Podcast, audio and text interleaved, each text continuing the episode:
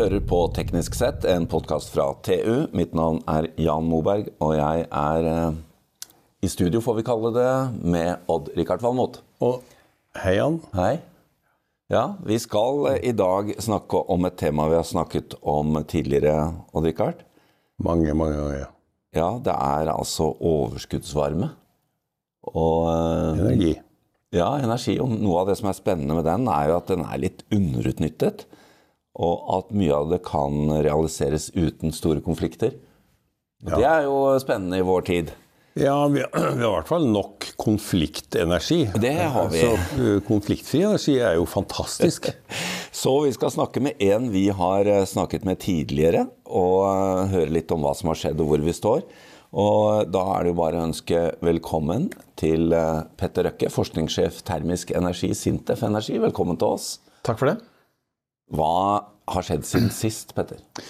Uh, takk for sist, ja. Eh, det var veldig hyggelig å være med sist. Og da husker jeg dere snakket om det hvor mye man faktisk fyrer for kråka med denne overskuddsvarmen. Uh, og den gangen vi hadde skrevet en kronikk uh, hvor vi ga en heading som var 'Hvor ble det av klimakurens siste tredjedel?'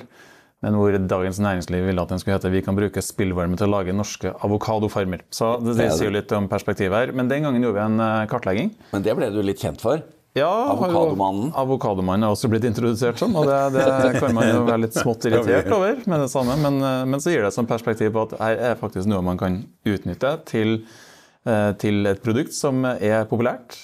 Og, og dermed kan gjøre avokadoen konfliktfri. ikke sant? Som kommer fra Jeg tror det hadde blitt dyr avokado. det, blitt, det kunne blitt. Ja. Med mindre man kunne satt det enorme drivhuset på taket til Hydro, f.eks., så er det ikke sikkert det har vært så dyrt. Nei, kanskje ikke. Men det, det blir litt sånn høye tanker, da. Men vi kartla da, altså tilbake i 2021 et potensial på 20 TWh spillvarme, eller overskuddsvarme, fra norsk industri. Og så har det skjedd ganske mye siden da. Eh, Spesielt er jo en kommisjon som er nedsatt av regjeringa, en energikommisjon, som skulle eh, se på hva som kreves av mer kraft eh, og mer energi inn i energisystemet for å kunne svare ut industriens behov fremover i tid. Og de kommer fram til en konklusjon, eller flertallet i kommisjonen, da, kom fram til en konklusjon som tilsier at man trenger 60 TWh eh, ekstra energi, en ny energi, inn i kraftsystemet vårt innen 2030. Det er jo ikke lenge til, nei. Da Det ikke snakker vi primært om elektrisk energi. Da er det eh, kraft, ja. Ja. Det er kraft. Og de 60 TWh, så skulle 40 TWh være ny fornybar energi. Mm. Eh, Og det har gitt eh, stor oppmerksomhet, mange kontroverser. For det handler jo da om å bygge ut vind, både på land og til havs. eh, Sol, mer vannkraft. Som, som alt må gå på kompromiss med naturen. Man må gjøre det en, med en riktig forankring i det lokale osv. osv. Men så var det 20 TWh som man mener skal realiseres gjennom en massiv energieffektivisering. Jeg kunne gjerne tatt kreditt for de 20 TWh, men her er det ikke bare industri. da. Her dreier det seg også om bygg og om transport. Så energieffektivisering. Både industri, bygg og transport. 20 TWh. Eh, Og, det gir ikke så mye kontroverser. Eh, og dermed ikke så veldig mye oppmerksomhet heller. Annet enn at eh, politikere, myndigheter, industri er enige om at det er en fin ting å gjøre. Men hvordan vi kan faktisk få det til, og hvordan vi kan få til det innenfor det tidsperspektivet, og med et sånt volum, er en eh, ja, hva skal jeg si, krevende sak. da. Ja. Også, for jeg blir spørsmål, spørsmålet jeg kan få, er det mulig? Og så vil jeg som forsker si at ja, selvfølgelig er det mulig. Og så kommer det et men. Det vil koste, og det vil kreve et stort engasjement og eh, satsing både fra industri og fra myndigheter for å kunne realisere det potensialet. Men er det her bare på en måte omfordelende av eksisterende overskuddsvarme, eller er det også sånne ting som um, redusert forbruk i form av isolasjon, elektrifisering av transport? Eh, Det, det favner alt. Som f.eks. Ja. på, på, i bygningssektoren så vil det kunne være eh, sol integrert i, i bygg ja. så til, som energiforsyning. Mens innenfor industrien, som vi da fokuserer mest på, så er det der også det å kunne gjøre selve kjerneprosessen hos industrien mer effektiv. Altså produsere Ja, ja. mer produkt for mindre input. Eh, Og, og da kommer man jo litt til hvordan man faktisk måler det her med energieffektivisering også. For i seg selv så er energieffektivisering verdiskapende, at man kan bruke mindre energi for å få mer produkt. Men det gir ikke nødvendigvis mindre forbruk av energi i Norge. Nei. Fordi det er jo en videreforedling av energien som er, gir verdiskapninga.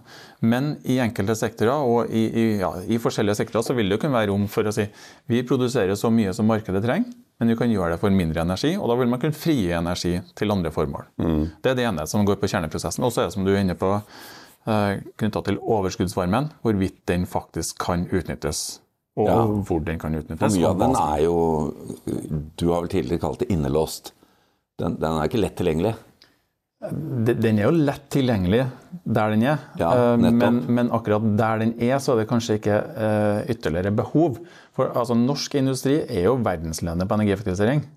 Uh, man har jo både, både Alcoa som avgir varme der man kan avgi varme, og, og, og si, varme kunstgressbaner, varme bassenger. Gir det til fjernvarme der hvor industrien er. Uh, men det er jo så store mengder med energi som er tilgjengelig, at akkurat der industrien er, det meste av norsk industri, da, den store industrien, så er det ikke nok bebyggelse til å kunne utnytte den til f.eks. fjernvarme. Nei, det er, ikke, det er, ikke, nok befolkning i nærheten. Nei. Men vi, har, vi kommer jo fra en historie i Norge hvor kraft har vært tilgjengelig og rimelig. Så det er jo, en, eh, det er jo litt derfor det ligger som det gjør òg, i disse fjordene. og jeg tror kanskje noen vil argumentere litt imot deg i forhold til om den var rimelig, men at det er etablert der det er pga. at det var energi tilgjengelig. Ja. Men det er, en, det er en massiv utbygging som ble gjort når man faktisk har etablert industrien der den er, pga. at man hadde energien tilgjengelig for å ha den type industri der. da. Ja, og så spørsmålet da hvordan skal du få overført den dit forbruket er? Ja, så, så der, der, er det jo det vi har sett på tidligere. altså Hva kan varme brukes til, eller hvordan kan den utnyttes? Det, det ene er å bruke den direkte, og da er det typisk fjernvarme som direkte case. Eh, og så ser vi på teknologi for å kunne oppgradere varmen. Eh, det å gi den høyere verdi. Ja. Og bruke strømmen inn mot ei varmepumpe, som da kan heve temperaturnivået. Og, og da kan jo altså teknologiutviklinga tilsi at da kan man få opp overskuddsvarmen opp til en temperaturnivå, slik at den kan brukes tilbake i selve prosessen som prosessvarme. Men allikevel, det, det, å transportere den over lange avstander av varmen er jo ikke effektivt. og Da, da er tredje alternativ å kunne konvertere varmen til kraft, som er mer effektivt å transportere langere avstander. Det ble også nevnt her i, på industrikonferansen her i går, også det å kunne bruke gass som, som et energilager eller som, til å transportere energi. Hvis man kan bruke varmen til å eller energien da, til, å, til å konvertere den til gass.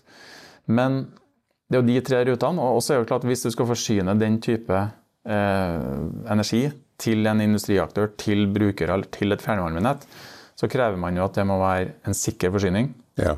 Og, og, det å ha et robust, godt og stort nok energilager eh, for å sikre forsyningssikkerheten er jo da eh, veldig viktig. Men for å, for å, få litt perspektiv på det, altså det Vi snakker jo her om store industriaktører som Hydro. Og du var inne på det, Petter. Eh, de bruker per år Hydro eh, har vært presentert at man forbruker omtrent 26 TWh ja, per år. Kan du dele opp de bestanddelene av de 26 TWh-ene? I, i hva, hvilke kilder det er? Ja, eller utkommet, da. altså Noe av det går jo til produkt. Ja, hovedsakelig går det til produkt, men altså, produksjonsprosessen for aluminium tilsier jo at man da ender opp med at 13 TWh, ca. halvparten, ja. ikke kan utnyttes i selve aluminiumet, og da går til spillet. Altså blir en ja. overskuddsenergi. da. Ca. 50 ja. ja. ja. Og, og allikevel så er norsk aluminiumsproduksjon blant verdens mest effektive. Ja, selve det, prosessen slik den er, ja, Det er på ingen måte ment som kritikk mot Hydro, men, eh, men, det viser jo størrelsen. Og Det er tilsvarende også for, for ferrosilisium, for, for Elkem og, og, og, for andre. At, at, man klarer å få omkring 50-60 eh, går direkte inn i produktet, mens resten blir til overs. Hva slags, hva slags temperatur har vi på eh, sluttvarmen? da?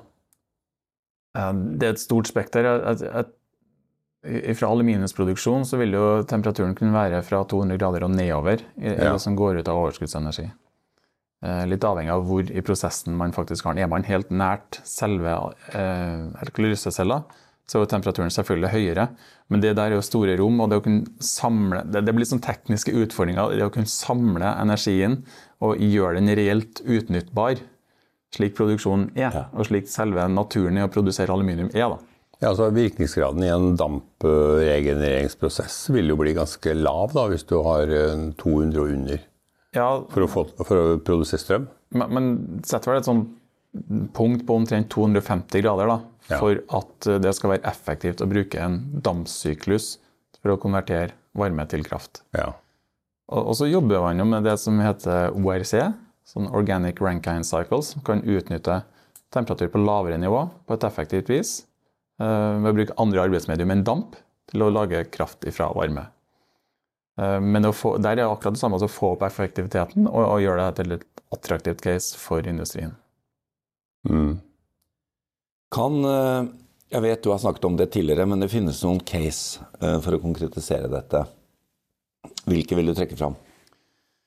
Um, jeg jeg syns jo du har noen unike lokalsamfunn rundt omkring i Norge. F.eks. Mo i Rana med Mo industripark, hvor man har metallindustri. Både Elkem, Celsa, Ferroglobe. Og så har du en aktør som Mo Industripark, som eh, da gjennom Mo fjernvarme kan bruke varme fra den, eh, de, den industri, de industriaktørene inn i, i, nettverket i Mo i Rana. Det er ett. Og så tilsvarende også i, i Sauda, eh, med Eramet sitt, som produserer ferromangan. Hvor Sauda Energi bruker overskuddsvarme derifra for å holde gatene isfrie. Men også den, den avgassen fra verket der har en stor andel CO, som de nå utvikler, eller bygger, åtte motorer som bruker energiinnholdet i den gassen for å produsere kraft. Og det bygges åtte gassmotorer som da produserer kraft fra den CO-en som er i avgassen. Og det er jo da elektrisitet som går direkte inn i produksjonen igjen. Ja, altså er, De fleste skjønner vel at hvis du har sånn en industriklynge noen bruker og noen genererer, og da er det lett å, bruke, å finne avtakere. Mm. Men der hvor det er på en måte inn, innlåst overskuddsvarme, da, der er det verre. Der, der er det jo verre. Men, men det, for å ta en litt videre sånn nye, nye caser hvor, hvor det, du kan få inn liksom nye aktører kommer inn. så uh, i, i, Porsgrunn og Herøya, hvor man per i dag uh, utnytter eller kan levere overskuddsvarme fra Yara til Skagerrak Varme, som går til fjernvarme. Mm. Og så har jo de, de, som skal bruke fjernvarmen, eh, må jo ha en robusthet i det der. Ja. Og potensielt sett da, så, så har jo Skagerrak Varme publisert at under Herøya industripark så er det et tunnelnettverk som har en kapasitet på opptil 55 000 kubikk med, eh, hvor du kan legge varmevann. da. Og, og, hvis du kan ha et slikt lager av varmevann, så har du faktisk en forsyningssikkerhet på én til to uker dersom det skulle falle bort. Ja. Og også I tillegg har du en overskuddsvarme der som er interessant for annen produksjon. Kanskje det kan det være eh, Der har det vært vaskeri, faktisk. Altså som skal tørke klær. Ja, ja. riktig. Eh, klart, men det blir en liten mengde da, i forhold til all den overskuddsvarmen som er tilgjengelig. Men å se i retning av hvor f.eks. vaskeri etablerer seg, eller hvor man setter opp de drivhusene som skal bruke lavtemperatur varme i. Man skal jo ikke koke frukter, man skal få den til å dyrke eller vokse raskere. etter hvert. Uh, og se på den type løsninger. Altså, Norge har jo blitt en eksportør av teknologi for å lagre termisk varme i Danmark. Men da bruker de selvfølgelig overskuddsstrøm mm. som input. Lagre i flytende salt. Mm -hmm. Kyoto Group. Ja. Det, eh, men det, da snakker vi om høyere temperaturer. Så det er vanskelig å tenke seg kanskje salt, saltsmelte som energilager. Da er vel sannsynligvis vann bedre. Ja, vi, vi får lyst til å nevne et konkret uh, konsept som nå er en, en, oppstartsbedrift som har gått ut fra kompetansemiljøet hos oss på såkalt uh, faseomvandlingsmaterialer. Ja. Uh, som da på det er stor temperaturskala om hva det kan anvendes til, men typisk inn mot næringsmiljøindustri, hvor man kan lagre kulde eller lagre lavtemperatur varme. Og, og, ta vare på den varmen og bruke den når den faktisk trengs. Da. Så det handler om at man f.eks. kan ha et biovoks. Når du varmer den opp, så blir det flytende. Eh, og så når du kjøler den ned, så blir den i faststoff. Så, så hvordan man kan altså, Og det, det, er et nytt selskap etablert ut ifra eh, oss, da, etter Kartesien, som er verdt å følge. Eh, og, og, som blir veldig spennende å se hvordan de både kan få inngrep hos industri og kan utvikle en, en ny teknologi som er eh, spennende for energieffektivisering. Ja. Og da snakker vi om temperaturer ned mot ja, det, det, Der kan det brukes inn mot kuldelager også. Ja. Så, så, Litt avhengig av hvilke medier man bruker. Eh, så det er et eh, bredt temperaturområde. Akkurat hva det er, må man nesten snakke med de, de, ekspertene i den bedriften om. Men, mm. Eh, ja. hva, hva, skjer nå? Hva, hva, er, hva er, de si, lavthengende fruktene, eller hva står vi foran av konkrete ting som kommer til å skje, tenker du? Jeg, venter jo spent på hva som skjer med statsbudsjettet neste år. Vi, hvordan følges Energikommisjonen opp? Det vi vet, er jo at man har foreslått en endring av energiloven som stiller et krav til industri om å gjøre en energikartlegging ved å bygge nye anlegg og gjøre en egen kost-nytte-analyse for å utnytte overskuddsvarmen dersom man er over et visst, visst størrelse. Og så er det noe som heter en handlingsplan for energieffektivisering. Eh, som, hvor det er sagt at skal eh, Det skal settes av budsjett til det i statsbudsjettet 2024. Eh, men akkurat hva det går til, det er jeg spent på. Det, det kan være at det kanaliseres mer tydeligere gjennom Enova at man kan støtte energieffektivisering. Forhåpentligvis så vil det gå litt i retning av næringsrettet forskning, som også bidrar til å akselerere implementeringa. Men også at det kan komme konkrete krav til industrien. Så, så jeg er litt sånn spent på vil man kunne tørre å si at det må koste noe å kaste bort energi? Ja. Eh, eller vil man legge opp til at det er konkrete gulroter som gjør at man, ny industri kan etablere seg der hvor energien er tilgjengelig? Så, så jeg er litt spent på hva som skjer. Og det her er jo bare en måned unna når statsbudsjettet kommer, og hvordan det står der. Jeg, det blir spennende. Er det, som forskningssjef så, så, kan du vel noen ganger eh, mene noe om dere har fått kommet med nok informasjon til beslutningstakerne? Jeg oppfatter at vi både er hørt og vi er lytta til, og spesielt det at vi har et godt samarbeid med industriaktører som eh, også er veldig ivrig på eh, både virkemidler ja. og verktøy og teknologi som faktisk kan realisere det potensialet. Eh, som jeg har sagt flere ganger nå, så Vi har verdensledende industri når det gjelder energieffektivisering, men allikevel så går det såpass mye tapt. Og det her er verdiskapning for industrien. Og, og det å kunne utvide den grensa fra bare industrien til også samfunnet, eh, og realisere den gevinsten for lokalsamfunnet, det er noe som jeg oppfatter at norsk industri er veldig ivrig på, dersom det blir gode nok business case. Og kodeordet 'konfliktfri', det er jo ganske kult, da. I stedet kult. for å måtte fighte mot lokale krefter og hva det nå er. Absolutt. Ja, Vi bare si takk til deg, Petter Røkke, forskningssjef termisk energi, Sintef Energi. Det var en god oppdatering. Takk skal du ha. Takk til Odd-Rikard, og mitt navn er Jan Moberg.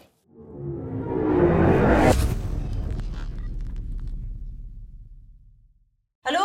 Jeg kommer fra Oslo politikammer.